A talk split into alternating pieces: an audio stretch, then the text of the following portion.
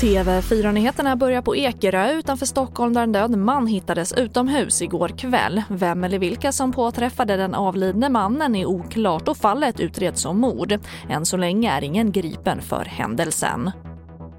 Och sen till Gävle där polisen sent igår kväll larmade som en brand i en frisersalong.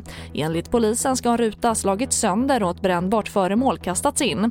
Branden var släckt efter midnatt och polisen har inlett en förundersökning om misstänkt mordbrand. Ingen person skadades vid händelsen.